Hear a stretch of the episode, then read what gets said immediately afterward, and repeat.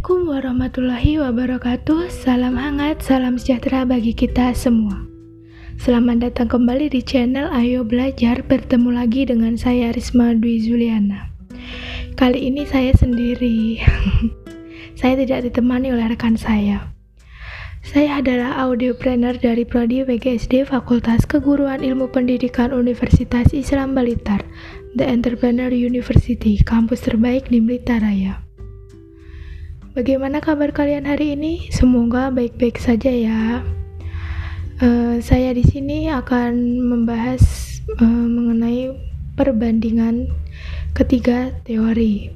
Yang pertama teori Jean Piaget, yang kedua teori Vygotsky, yang ketiga teori Erik Erikson. Pada berlama-lama lagi, mari simak pembahasannya. Stay tune and enjoy.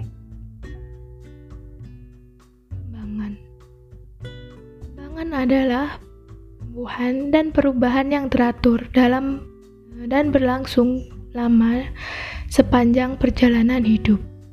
Teori perkembangan manusia ada banyak, di antaranya adalah perkembangan kognitif.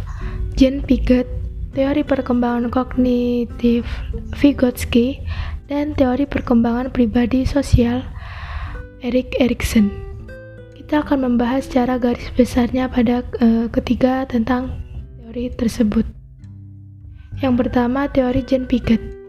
Teori Jean Piaget dikenal dengan teori perkembangan intelektual yang menyeluruh yang mencerminkan adanya kekuatan antara fungsi biologi dan psikologis. Yang kedua, teori Vygotsky.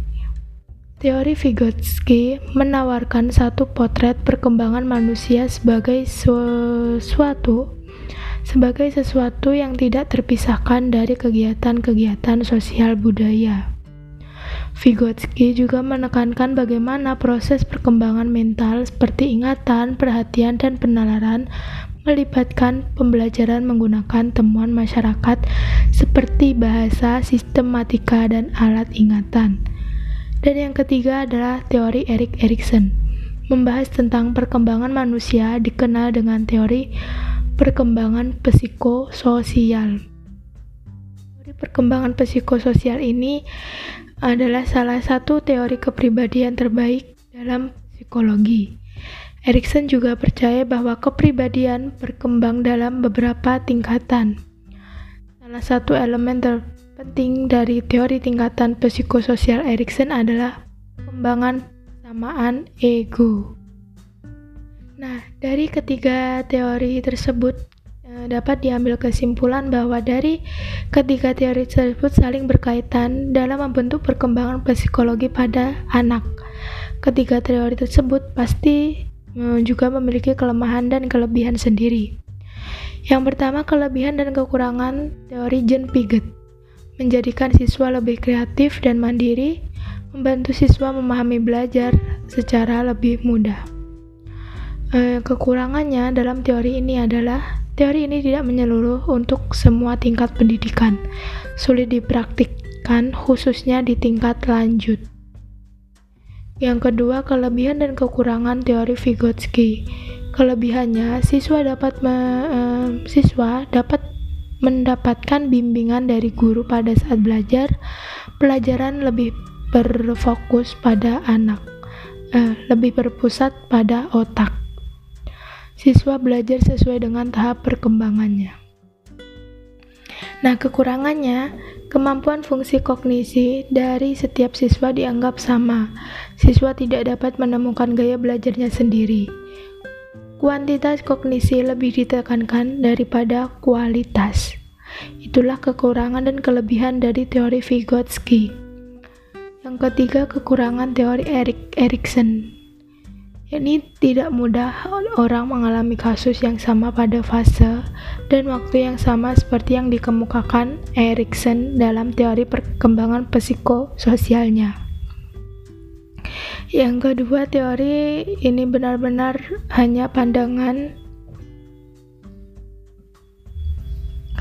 deskriptif dari perkembangan sosial dan emosional seseorang yang tanpa menjelaskan bagaimana uh, bagaimana atau mengapa perkembangan ini bisa terjadi. Itu adalah kekurangan dari teori Erikson. Nah, untuk uh, pengimplikasiannya dalam di sekolah dasar uh, kita bisa menerapkannya dari kelebihannya dari kelebihan ketiga teori tersebut. Yang pertama, dari kelebihan teori John Piaget sebagai pendidik, kita bisa uh, menerapkannya lewat belajar kelompok, belajar di luar kelas, dan sebagainya. Dari kelebihan Vygotsky bisa dilakukan dengan cara memberikan materi pada anak atau masalah untuk anak pecahkan masalah tersebut sendirinya. Yang ketiga atau yang terakhir, Erik Erikson. Teori Erik Erikson ini bisa dilakukan pembelajaran dengan eh, belajar membaca, menulis, berhitung, bergaul dengan teman sebaya untuk membentuk psikososialnya dalam diri anak. Itu tadi adalah sedikit pembahasan dari saya tentang uh, per tentang perbandingan ketiga teori tersebut. Demikian perjumpaan kita hari ini. Terima kasih telah mendengarkan podcast saya.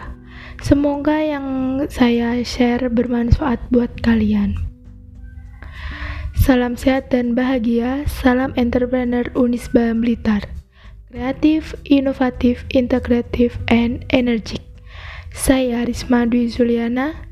Saya pamit undur diri. Sampai jumpa di lain kesempatan. See you next time. Wassalamualaikum warahmatullahi wabarakatuh.